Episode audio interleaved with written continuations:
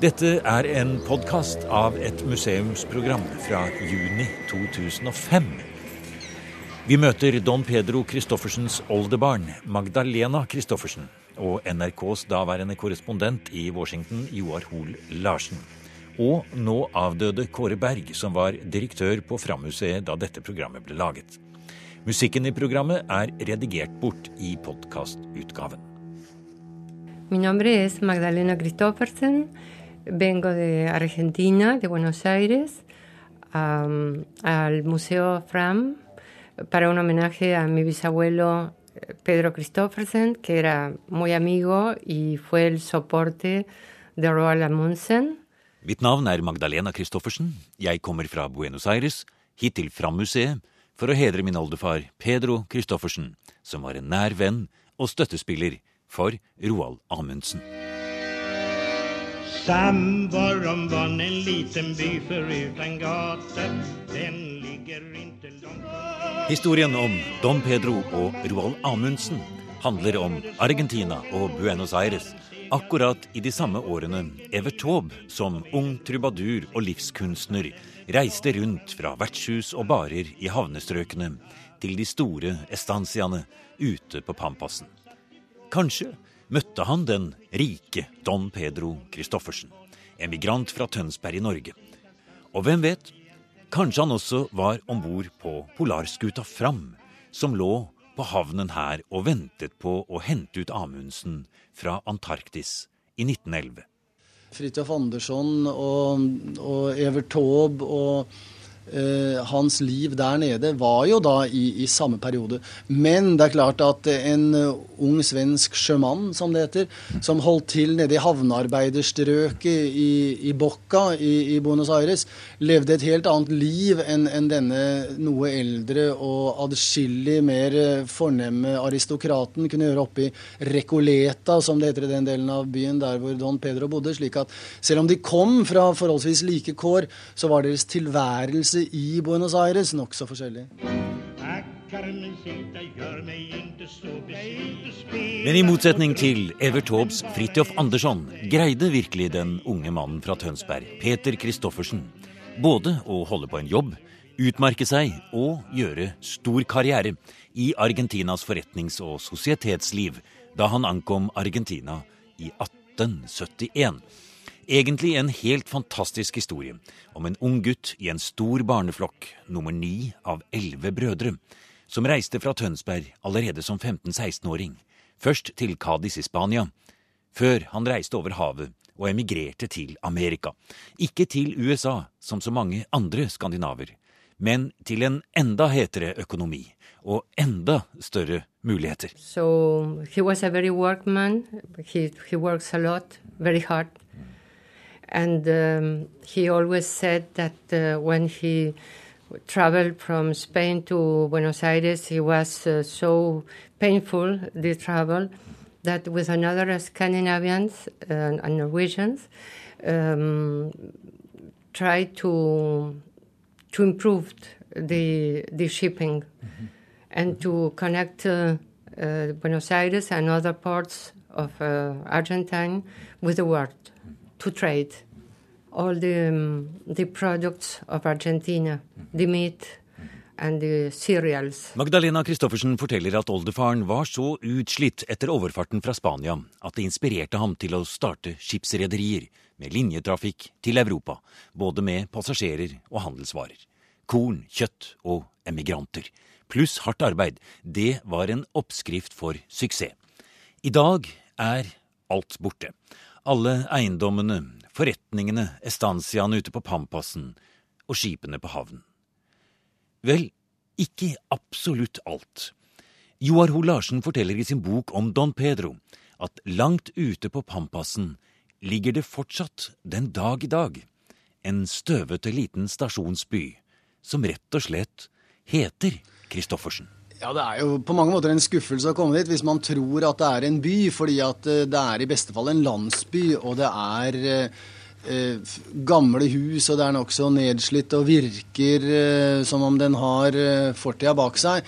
Det er eh, støvete gater uten asfalt, og det har ikke vært altfor mange investeringer der, eh, la oss si de siste 75 årene etter at Don Pedro døde.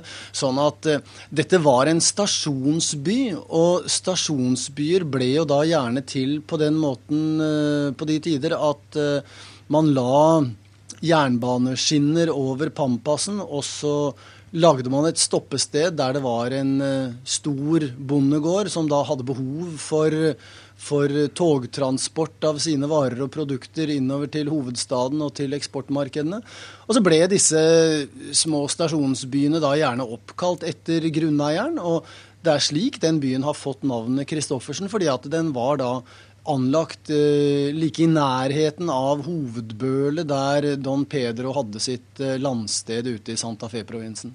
Og det må ha vært et eh, ganske flott landsted, etter det vi kan forstå både fra det Roald Amundsen skriver og det vi har hørt om Don Pedro. For det var vel slik at eh, han ble en meget rik mann selv, etter datidens ekstravagante normer. Ja, selv etter datidens ekstravagante normer i Argentina, som jo var noe av det rikeste og fornemste og mest viderekommende på, på denne jord hva, hva formuer og livsstil angår, når det gjelder akkurat den klassen Don Pedro først da i anførsel kvalifiserte seg til, og dernest giftet seg inn i. Dette var altså en, en utvandrergruppe som ved en tilfeldighet da bodde i, i Sør-Amerika og, og skaffet seg sin rikdom der, men som for øvrig forholdt seg til Europa, reiste til Europa, levde store deler av året i Europa, hadde sine landsteder og sin omgangskrets der. Og det var da stort sett blant eh, mer eller mindre likestilte og likesinnede, bare at eh, de europeiske hadde jo da fine adelstitter og tilhørte kongehus osv. Men eh, disse argentinerne og Don Pedro de lå overhodet ikke noe tilbake for disse europeerne hva komfort og luksus og, og eleganse og vaner angår. Hvordan kunne det ha seg egentlig at en 15 år gammel gutt som reiser ut fra Tønsberg på 1800-tallet, Peter Christoffersen, hvordan kan det hele tatt være mulig å bygge seg opp til en sånn fantastisk formue og innflytelse som han etter hvert fikk? Ja, For det første så, så må det ha vært gode gener og god familie. For eh, disse brødrene hans, eh, flere av dem, de gjorde det jo også usedvanlig bra. Eh, ikke så godt som, eh, som Peter, men, men det, er helt, eh, det er helt imponerende hva hva denne tolleren i Tønsberg og hans hustru har greid å frembringe av barn. Og eh, dernest så, så, må det ha vært noe med tiden å gjøre. Altså, eh, man, man, så utover i verden, og, og familien Christoffersen eh, gjorde også det. Selv om eh, mange av Don Pedros eh, eller da Peters klassekamerater i Tønsberg, de var jo sønner av skipskapteiner og etter hvert redere. Så, så, Peter kom fra et litt annet sjikt, men han hadde denne samme globale interessen. Og det kan selvfølgelig være fordi at faren hans var toller. Eh, guttene rodde med far ut på, på båter som lå utenfor Tønsberg, og fikk et innblikk i varer og produkter og ting som kom fra verden der ute. Og, og de orienterte seg utover. Eh, ikke så mye i shipping innledningsvis, men de var jo i diplomatiet. da, De var konsuler og generalkonsuler alle sammen, og hadde da shippingvirksomhet og agenturer på si. Og så var det eldstebror, som var generalkonsul for unionen, da, Norge-Sverige, i, i um, Buenos Aires, som uh, skrev til sine brødre om at uh, dette er fremtidens land, kom hit. Og det gjorde da flere av brødrene, og de slo seg opp og gjorde det bra. Og det var jo ikke så mange diplomater i Buenos Aires på den tiden. Og det er klart at uh, relativt uh, høyreiste da, og blonde og blåøyde og flotte uh, nordiske karer som kunne te seg, og som da hadde gått en god skole, og som i etter hvert Don Pedros tilfelle, hadde vært noen år i Spania, hadde lært seg spansk, hadde fått eh, en utmerkelse der nede sågar for sin deltakelse i borgerkrigen. Dette var jo gode kandidater eh, for, eh, for borgerskapets og det for giftermål, ja. For, ja. for giftermål. Ja. Sånn at eh, han, han, trakk jo det store vinnerloddet på mange måter, men var også i utgangspunktet eh, åpenbart en særdeles dyktig, eh, sympatisk og, og, flink fyr. I now will have the honor to ask Magdalena Christoffersen to unveil the exhibition en liten mottakelse på dekket til polarskuta Fram. 75 år etter at Don Pedro døde, og nesten 100 år etter at han ble en av Roald Amundsens viktigste støttespillere. Ja, Don Pedro han spilte en usedvanlig stor rolle i Roald Amundsens økonomi, eller man kan kanskje heller si mangel på økonomi. Han viste seg, skulle vise seg å bli absolutt Amundsens velgjører. Og nå har direktør Kåre Berg på Fram-museet satt sammen en liten æresutstilling for velgjøreren Don Pedro. In, in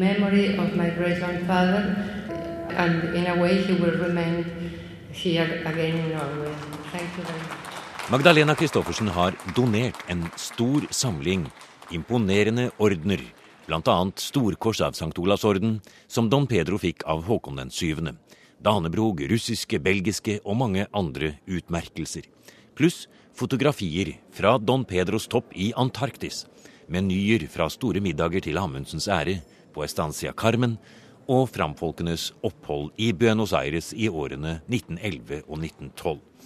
Men Don Pedro hadde fulgt godt med på Amundsen og hans planer lenge før de traff hverandre etter Sydpolsekspedisjonen i 1911, sier Magdalena Christoffersen.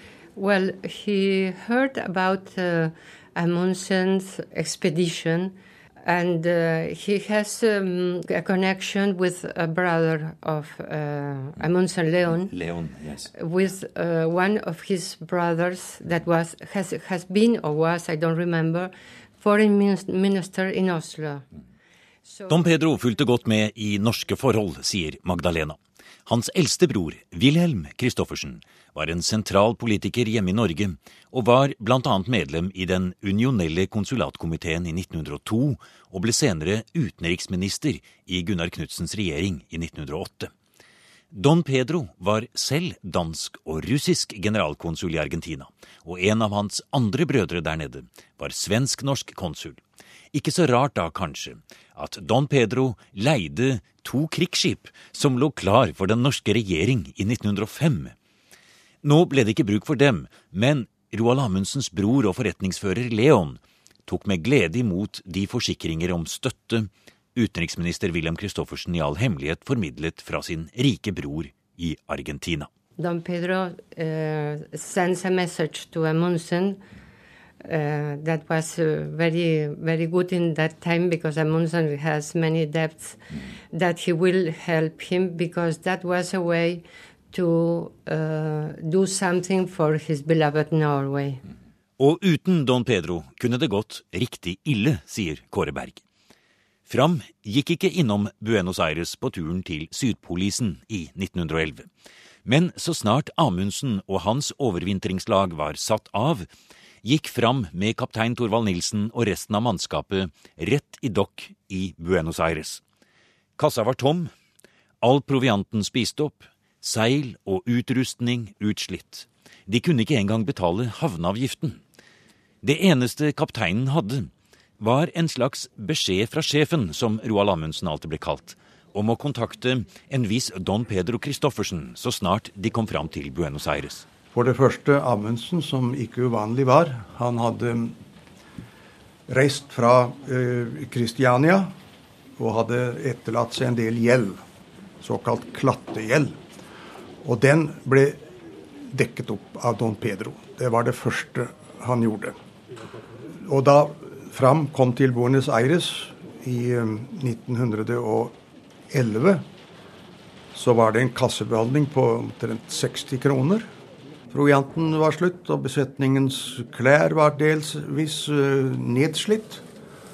Og Torvald Nilsen han var jo ganske fortvilet. Han oppsøkte da Don Pedro. Don Pedro hadde nemlig lovd at hvis de anløp Montevideo på tur til Nordpolen, for det var jo dit han egentlig skulle, så ville uh, Don Pedro støtte ekspedisjonen økonomisk og på andre måter. Det Don Pedro gjorde nå, først av alt, det var å trå til og utruste fram, slik at de kunne foreta et oseanografisk tokt i Syd-Atlanteren som varte i, i, åtte uker, og som ga betydelige resultater. Og så gikk Don Pedro i gang med å utruste fram for å gå ned til barrieren og plukke opp Amundsen og hans menn. Og hvis ikke Don Pedro hadde trådt til, så kunne dette utviklet seg på en meget ubehagelig måte for Roald Amundsen. Og, for dette var jo en veldig risikabel operasjon. Man visste jo egentlig ikke heller om de som var på Sydpolplatået der, om de i hele tatt noensinne kom tilbake, eller om Fram kunne greie å gå inn i isen igjen. Og hvis ikke Don Pedro hadde vært denne mesenen, og gitt disse tilskuddene, så vet man jo egentlig heller ikke hvordan man skulle ha fått ut Roald Amundsen fra sin Sydpolekspedisjon. Nei, Det ville blitt en, en, stor utfordring, og det er umulig å si hvordan det ville endt. Men jeg antar man måtte bruke fram. Og det er mulig at f.eks. regjeringen ville ha blitt nødt til å, å lage en unnsetningsekspedisjon, nærmest da. Men polarskuta Fram gjør jobben og kommer seg gjennom drivisen og fram til barrierekanten Sydpolsommeren 1912, dvs. Si i slutten av januar. Allerede i februar er alt lastet om bord, og Fram går til nærmeste land, Hobart i Tasmania, for at Amundsen kunne telegrafere til Norge og fortelle om at Polen var beseiret. Fram setter kursen tilbake til Argentina og Don Pedro mens Amundsen selv reiser med passasjerskip, først til New Zealand og senere til Australia for å holde foredrag. Først i slutten av mai melder han sin ankomst i Buenos Aires. Og da treffer han Don Pedro. Og da har han med seg et veldig stort bilde av et fjell som han hadde kalt Don Pedro.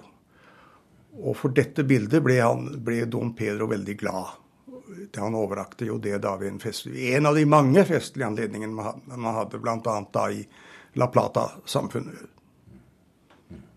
Eh, og de blir vel da på en måte venner, Don Pedro og Roald Amundsen, for Amundsen blir invitert til å bli værende der en stund for å hvile ut og for å eh, ordne opp i sine papirer, da. Ja, han ble vel nesten to måneder på Estancia Carmen. Og der sitter han og skriver på sin bok Sydpolen. Det er lettere å gå til Polen enn det er å kommandere bokstavene over de hvite papirarkene, skriver Amundsen senere i sine memoarer om de første forsøkene på å skrive det som skulle bli en kolossal bestselger over hele verden. Og kanskje var det ikke så lett å samle tankene om det enkle livet som polfarer, der Amundsen satt og ble oppvartet på verandaen til Estancia Carmen. Kontrasten må ha vært enorm. Det var det i hvert fall, for eh, det eneste du kan si, er at eh, begge steder lå jo på et vis like isolert. For eh, det er klart, langt ute på Pampasen den gangen, selv, selv med et tog, og jeg traff jo der ute faktisk også enken etter Don Pedros sjåfør, som i en alder av 94 år fremdeles bor og lever i Christoffersen. Eller gjorde det da jeg var der for noen år siden. Uh, og det er klart at Der ute var det en, en verden for seg, hvor, hvor, Don Pedro og Donja Carmen eh, rådde som et slags eh, kongepar. Eh, det var jo et helt eget lite samfunn den gang, i mye større grad enn det er i dag. For det var jo egen skole, og de trengte jo alle disse landarbeiderne, og de trengte folk i huset, og de trengte folk i den parken som, som eh, gården var omgitt av. Eh, men den lå jo der da som en oase i et ellers eh, frodig, men ofte ofte nokså tørt landskap. Men det er eh, helt klart at disse stedene, som da Alvear-familien, som Don Pedro var inngiftet i, de hadde jo da sine små landsbyer, andre slektninger, også rundt uh, i strøket der ute på Pampasen, så de besøkte hverandre. Og de hadde jo tennisbaner og veddeløpsbaner, og de hadde eh, all mulig komfort, og de kunne leve der ute grovt sett som de gjorde inne i Buenos Aires, bare et mye friere liv. Noe mer avslappet, noe løsere snipper og, og litt uh, friere tøyler, bokstavelig talt. Og noe friskere luft enn inne i hovedstaden. Så der ute kunne de slappe av og leve livet. Og, og det er helt klart at uh, for, for Roald Amundsen, som hadde vært en overgang både fra isødet og til, til varmen på Pampasen, men også fra det enkle livet på, på, i Antarktis til, til altså denne luksusen uh, der ute ved Christoffersen. Amundsens karriere som verdensberømt polfarer hadde bare nettopp begynt der han satt og var gjest i Don Pedros luksus. Planer om nye ferder var det ikke mangel på, men penger derimot. Finansiering var alltid et stort problem for Amundsen. Hjemme i Norge hadde han fått god støtte fra private sponsorer som Ringnes-brødrene, Aksel Heiberg og Christian Langgaard. Senere skulle han treffe den rike amerikaneren Lincoln Ellsworth. Men nå var det altså Don Pedro som sto nærmest. Altså, Amundsen hadde ikke oppgitt tanken om å nå Nordpolen. Så han eh, skulle da til Nordpolen igjen i 1913. Men eh, besetningen ønsket å dra hjem. Og da var ikke Da, er det Don Pedro slår til igjen og sier at ja vel, jeg bekoster den reisen. Hjem og tilbake. Så i 1913, på sommeren, så var besetningen tilbake i Buenos Aires. Og de var klar til å gå mot Colón. Dit kom de den 14. august. Og Fram skulle bli en av de første skutene gjennom kanalen. Men dessverre, altså kanalen ble sterkt forsinket, og Fram ble liggende i Colón. Og måtte returnere til Buenos Aires. Eh, da hadde Don Pedro utrustet fram for å gå til San Francisco uh, og betalt absolutt alle kostnader. Kom jo aldri til San Francisco da, men kom tilbake til Buenos Aires. Og i 1914 kommer fram hjem til Horten, nærmere bestemt enn den 14. juli. Og det er liksom enden på Frams bragder, kan man si. Og Don Pedro han fortsatte å støtte Amundsen både med Maud, de to Maud-ferdene, og med flyferdene. Og støtten den var betydelig. Og sist, og ikke minst, da Amundsen gikk konkurs i 1924, så ble hans hjem solgt. Og hvem kjøpte det? Jo, det var Don Pedro. Og så var det Han kjøpte Svartskog, altså? Ja. Og Fredrik Herman Gade. De betalte 25 000 hver. Og så fikk Amundsen anledning til å bo i sitt hjem. Men sånn skulle det ikke gå for Don Pedro selv. Han døde 85 år gammel i 1930, to år etter Amundsen. På det tidspunkt hadde Argentinas store problemer, som Magdalena sier, tæret hardt på Don Pedros enorme formue. De siste årene av sitt liv flyttet han og Carmen til et enkelt hus, og siden til en leilighet i Buenos Aires. Men helt til det siste hadde han store planer og en tiltakslyst som savner sidestykke. When he was 82, he, he bought some land in Paraguay to, to make uh, a colonization. And uh, that uh, colony, it is named Colony Fram, in honor of the Fram, Fram Yeah. So there's a part of uh, Paraguay that's called Fram, even Yes. even today, or Yes, even today it is it is from uh, 40 kilometers from the principal city that it's name Asunción, uh, Colonia from in Spanish. Uh, it, it was uh, 7,000 hectares. I dag er dette landområdet på 7000 hektar utenfor Paraguays hovedstad en liten by, og den heter altså kolonien Fram. På den måten har Don Pedro sørget for at minnet om Amundsen fortsatt lever i Sør-Amerika. selv om dette landområdet ikke lenger er i familien Christoffersens eie. He always uh. He loved so much his uh, country and he missed his country. And when he was just uh, a very old man, he I have a letter that where he said, "I will never, never forget my Norway and uh, my religion," because he was Lutheran, and my grandmother was my great grandmother was Catholic. Han er jo sitert på det veldig ofte, dette at det er, det er to ting man ikke skifter, og det er, det er sin religion og sitt eh, statsborgerskap.